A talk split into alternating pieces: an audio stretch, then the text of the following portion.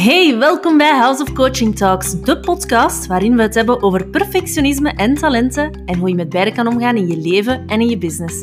Ik ben Megan, jouw coach, en elke dinsdagochtend mag je van mij een nieuwe aflevering verwachten.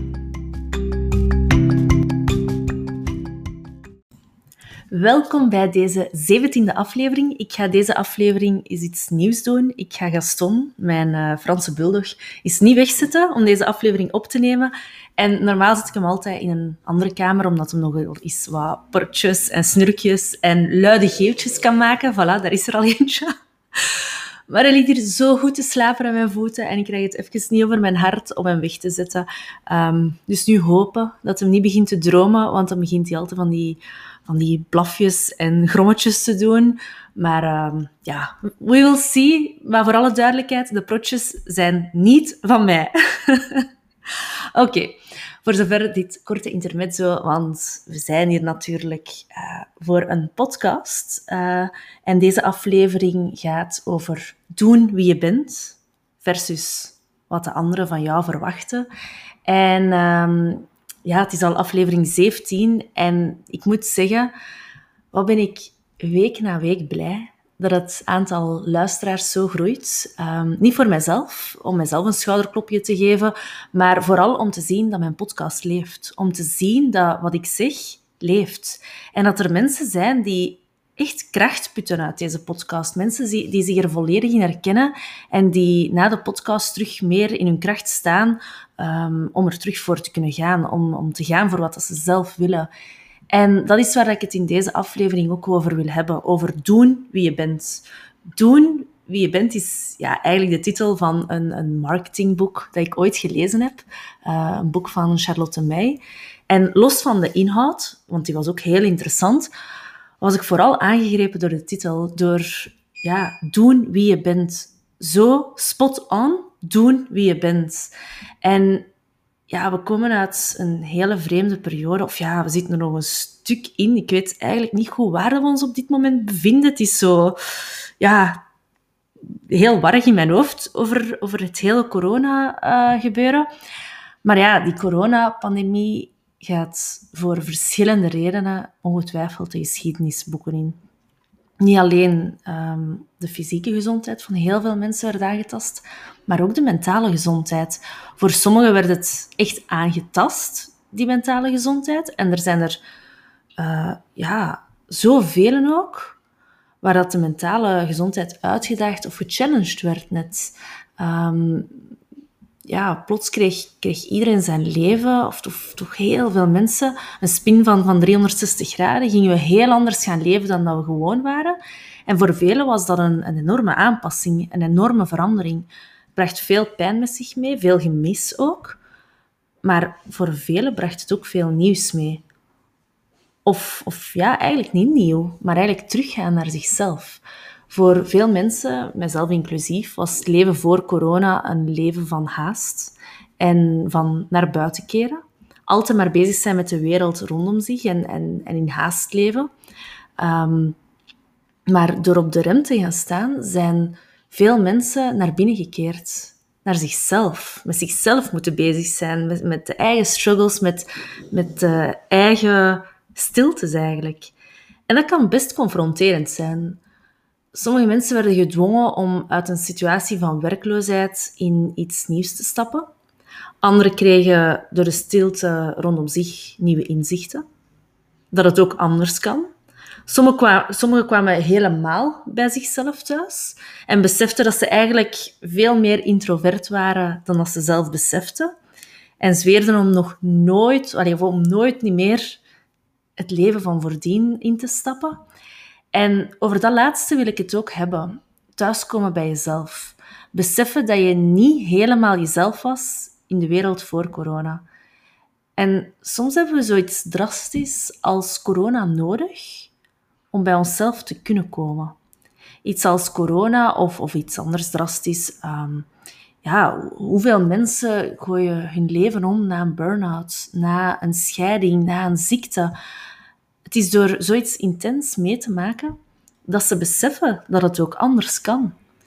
En vooral dat ze het ook anders willen. Het besef van waar in godsnaam ben ik mee bezig geweest? Komt heel vaak in zo'n momenten. En ik zou eens willen vragen um, om met mij een, een, korte oefening mee te doen. Ga eens terug um, naar een periode voor dat je, of, nee, ik ga het anders zeggen. Denk eens aan een periode waar dat je iets heftigs hebt meegemaakt. Um, corona bijvoorbeeld is zoiets. Een, een ziekte, een, een, overlijden, een scheiding, het veranderen van job. Um, jij vult voor jezelf in wat dat heftig uh, betekent voor jou. Hè? Dat, is, dat is voor iedereen anders. Of, of wat dan een grote verandering was.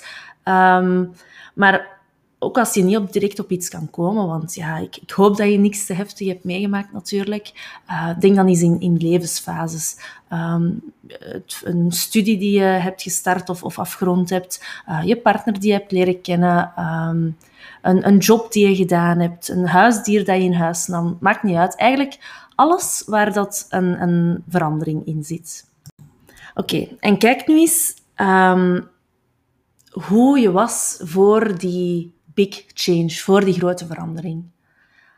Als je niet aan het wassen, strijken, autorijden, sporten of iets anders aan het doen bent op dit moment, kan je er ook altijd een blad papier bij nemen. Dat doe ik zelf ook altijd. Ik ben nogal een schrijver. Misschien ben jij niet zo'n schrijver, maar dat is, dat is altijd handig om zo wat de hersenspinsels op papier te zetten. Maar you do you.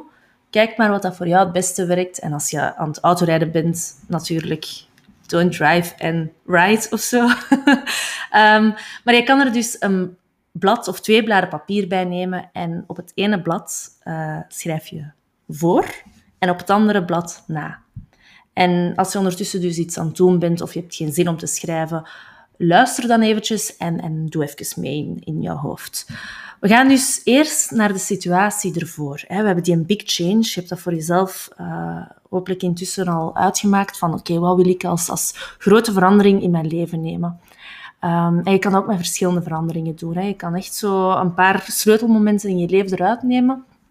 Maar neem er nu eventjes om mee te doen één. En uh, ga eens naar de situatie voor die grote verandering. Je hebt daar dat ene moment genomen en kijk eens wie dat je ervoor was. En we gaan hier vooral naar gedrag kijken van wat deed je? Wat deed je vaak? En, en ga daarbij eens je levensgebieden af. Van hoe zat het met sport? Met, uh, dat hoeft trouwens ook er allemaal niet mee te maken hebben. Hè. We kunnen perfect over, over de grote verandering kan corona zijn bijvoorbeeld, maar we gaan het wel over sport en andere dingen hebben. Oké? Dus de grote verandering is bijvoorbeeld corona. Ga dan eens kijken van oké, voor de coronaperiode, hoe zat het bij jou met sport? Um, met je avonden, zaten die vol of waren die leeg? Met je ochtenden, bracht je die al snoezend door of sprong je uit je bed? Uh, wat met eten, hoe at je? En, en, met je familie, zag je je familie vaak? Um, wat met je werk of je studie? Hoe verliep dat, je uiterlijk? Hoe was je uiterlijk? Verzorgde je jezelf goed of, of leed je het een beetje op zijn beloop? Ging je vaak naar optredens, concerten, musea, um, tentoonstellingen? Maakt niet uit. Zo kan ik nog een tijdje doorgaan, maar kijk dus eens naar alle levensgebieden. Hè? Familie, vrienden, hobby's, werk. En kijk eens hoe dat je daar toen in stond. Wat was er typisch aan jouw gedrag? En, en overloop dat eens eventjes in je hoofd of op papier. Van, van hoe vaak deed je iets? Hoe deed je dat? Hoe graag deed je dat misschien ook? Um, overloop dat eens eventjes voor jezelf. Um, en zet mij gerust even op pauze als dat nodig is, um, dat je daarvoor eventjes de tijd kan nemen. En nu wil ik je uitnodigen om um, een ander papier, blad papier erbij te nemen waar na op staat, hè, voor de situatie na die grote verandering. Of het mee te doen in je hoofd natuurlijk. En dus wat deed je daarna? Ook weer focus op je gedrag. Hè. Doe, hetzelfde, doe dezelfde oefening als daarnet, um, maar voor jouw leven na die grote verandering. En als je dat gedaan hebt, dan ben je al heel ver. En nu mag je die twee situaties eens naast elkaar houden. Wat is er anders? Wat is er anders in je gedrag? Is het een, een dwingend anders vanuit geen andere keuze hebben omdat de veranderde situatie er invloed heeft op gehad? Of ben je dingen anders beginnen doen vanuit jezelf? waar je nu opeens bij stilstaat van, hé, eigenlijk, huh, ik was iemand die eigenlijk ervoor al te lang in mijn bed bleef liggen en ik raakte maar niet uit mijn bed. En nu ben je iemand die eruit springt. Oké, wat, wat zit daar juist? En, en zoek die rode draad eens. Kijk daar eens naar. Welke rode draad vind je vanuit deze oefening? En ik doe deze oefening voor mezelf ook eens eventjes mee. Ik neem uh, corona als grote verandering in mijn leven. Um, ik heb het geluk gehad dat ik gewoon ben kunnen blijven doorwerken. Maar mijn sociaal leven zakte, zoals bij veel mensen, denk ik, als een pudding ineen. En dat was, als ik kijk naar corona, ik heb nog andere grote veranderingen natuurlijk, maar ik neem dit even voor de oefening. Dat was voor mij mijn grootste verandering. Op het eerste zicht uh, kon ik zeggen, ja, qua gedrag voor en na corona, ik zag mijn vrienden en familie heel veel en nu veel minder. Dat is, dat is mijn gedrag geweest, hè? het afspreken met vrienden en familie. Maar hoe heeft mij dat veranderd? Ik ben tot het besef gekomen dat ik, ondanks dat ik heel sociaal en een extravert persoon ben, dat ik eigenlijk een pak introverter ben dan dat ik dacht. Corona heeft mij geleerd dat ik echt die momenten op mezelf nodig heb, die mentale ruimte nodig heb, die ruimte om zelf mijn tijd in te vullen en niet van de ene afspraak naar de andere te hollen, ook al vond ik dat op dat moment wel fijn. Maar nu geniet ik ook van de rust en de stilte. Ik heb dat voor mezelf ook beslist dat ik dat mezelf meer ga gunnen, omdat ik daar nood aan heb. En, en in de, de haast van het leven voor corona merkte ik wel dat er iets aan het wringen was. Soms moest ik me echt opladen om, om gewoon eigenlijk sociale afspraken te gaan doen. Klinkt zo heel zakelijk, sociale afspraken, maar ik bedoel gewoon met vrienden afspreken. Um, terwijl dat ik ja, mijn vrienden doodgraag zie. Maar het was gewoon die een overload dat mij te veel werd. En door eigenlijk nu te beseffen van, hmm, hier en daar zo, ja, ik noem dat lege avonden, door hier en daar een lege avond te hebben en gewoon, en dan kan ik nog altijd kiezen op die lege avond om mijn vrienden af te spreken, hè, maar er zo gewoon een paar lege avonden te hebben, dat geeft me heel veel mentale ruimte om zelf te kunnen invullen, om zelf ja, te doen waar ik op dat moment zin in heb. En uh, zo kom ik terug bij het onderwerp van deze podcast. Wat doe je voor jezelf en wat doe je voor anderen? Dat is mijn voorbeeld van wat ik nu nodig heb en dat is mentale ruimte. En bij alles wat ik doe, nu doe, stel ik mezelf de vraag van wil ik dit echt of doe ik dit omdat het van mij verwacht wordt of verlangd wordt? Ik had hier onlangs met een vriendin ook een, gesprek over. En ook zij had het gevoel dat corona haar veranderd had. Ze ging van elk weekend op de lappen gaan. Allee, elk weekend weg. En, en eigenlijk een beetje hetzelfde als mij, maar dan zo... Ja, ook, ook heel volle weekends. Naar meer tijd voor zichzelf. En ze stelde zichzelf de vraag of ze dan nog zou aansluiten um, bij de mensen met wie, met wie dat ze elk weekend wegging. En ja, want die mensen zouden de draad terug oppikken na corona. Hè? Uh, maar voor haar hoefde dat niet meer in die mate. Uiteraard wilde ze nog graag veel weggaan, maar niet elk weekend. En ze was bang dat dat haar vriendschappen zou kosten. Wel, het is heel normaal dat we doorheen ons leven ook evolueren. Iedereen evolueert. En we hebben hier zelfs geen grote gebeurtenissen voor nodig. En vriendschappen of relaties blijven duren zolang dat die veranderingen omarmd worden. Zolang dat we zoeken naar een common ground, een gemeenschappelijk iets om op verder te bouwen. En ik ben er heel zeker van dat dat niet alleen dat uitgaan die vriendin met haar andere vriendinnen verbond. Nee, er was ongetwijfeld veel meer dan dat. Een, een, een andere gemeenschappelijke noemer. En het is de kunst om daar naar op zoek te gaan. Moest dat er niet zijn, zouden we van de ene kring in de andere vallen, dan zou het ons als mens niet lukken om relaties te onderhouden en om vriendschappen voor het leven te sluiten.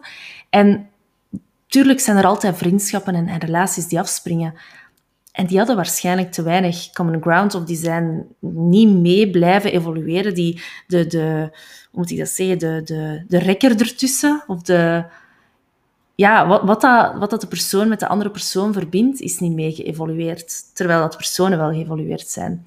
Maar de echte vriendschappen zijn die die telkens weer een nieuwe balans vinden. Telkens iemand of, dat, of de dynamiek die verandert, dat mee evolueert. En het belangrijkste daarbij is om trouw te blijven aan jezelf. Pas als twee mensen trouw blijven aan zichzelf, twee of meer, ehm, ja, het kan ook over vriendengroepen zijn, of, of, of andere um, ja, soorten relaties. Ehm, dus pas als, als uh, twee mensen of meer echt trouw blijven aan zichzelf en zich niet gaan voordoen als, als extraverter of socialer of plezanter of gelukkiger dan dat ze zijn, of ook niet durven zeggen wat dat ze echt willen, echt die stilte nodig hebben, echt dat momentje alleen hebben, um, dan als ze daar echt voor durven uitkomen van wie dat ze echt zijn en waar dat ze nood aan hebben, dan pas kan er een echte, echte connectie ontstaan. En als je jezelf constant in bochten moet wringen en een wrang gevoel eraan overhoudt, gewoon omdat het zo hoort of omdat je schrik hebt om, uh, om een relatie of een vriendschap dat je gaat verliezen, wel, ga er dan maar vanuit dat die relatie op een bepaald moment zal stoppen. We're only human en we kunnen onszelf maar zo ver blijven uitstretchen. Op een bepaald moment is de rek eruit en knapt de koord. Maar door trouw te blijven aan jezelf en aan je eigen gevoelens, die ook bespreekbaar maken, dan kan je een, een, een solide basis bouwen voor een relatie of een vriendschap. Daar waar je echt, echt jezelf kan zijn. En die oefening van daarnet um, kan daarbij helpen. Een onverwachte ingrijpende gebeurtenis brengt je in eerste instantie terug naar je oorinstinct, naar jouw vlucht, vecht of vriesreactie. En hoe dat je nadien reageert, hoe dat je nadien in het leven staat, de les die je geleerd hebt, zegt vaak iets over wie dat je echt bent. Wie je van nature bent en waar dat je nood aan hebt. Maar dat vergt dus een stilstaan. Even stilstaan en niet gewoon doorhollen, stilstaan om eruit te leren. En als je daaruit leert wat dat jij nodig hebt of meer nood aan hebt, dan kan je van daaruit ook betere beslissingen nemen. Dan weet je ook waar je voor staat. Weet je wat dat je nodig hebt en lukt het jou ook beter om nee te zeggen, zonder je schuldig over te voelen. Nee, want het, het voelt goed voor jou om nee te zeggen. En waarom zou je ja zeggen tegen een ander als dat nee betekent voor jezelf? Maakt dat jou een egoïst? Nee, absoluut niet. Integendeel, het zal je leven een pak gemakkelijker maken. En zo wil ik deze aflevering ook afsluiten. Um, sta eens eventjes stil bij jezelf. Wat neem je mee uit deze aflevering? Eén ding, wat neem je mee? Of meerdere, maar focus op, op één ding. Wat neem je mee? Vat het voor jezelf nog eens eventjes samen en door vooral je voordeel mee. Ga ervoor en vooral ga voor jezelf. Want met jezelf moet je nog een heel leven verder, dus gun jezelf ook wat. En heb je hier nog moeite mee en heb je in de verste verte geen idee wie dat je bent, wat je drijft, waar je naartoe wilt, neem dan zeker eens een kijkje op mijn website houseofcoaching.be of op Instagram op houseofcoaching.be. Want als coach help ik jou heel graag om die puzzelstukjes te helpen op vlak van talenten, loopbaan, perfectionisme en dit allemaal. Dus heel graag tot de volgende.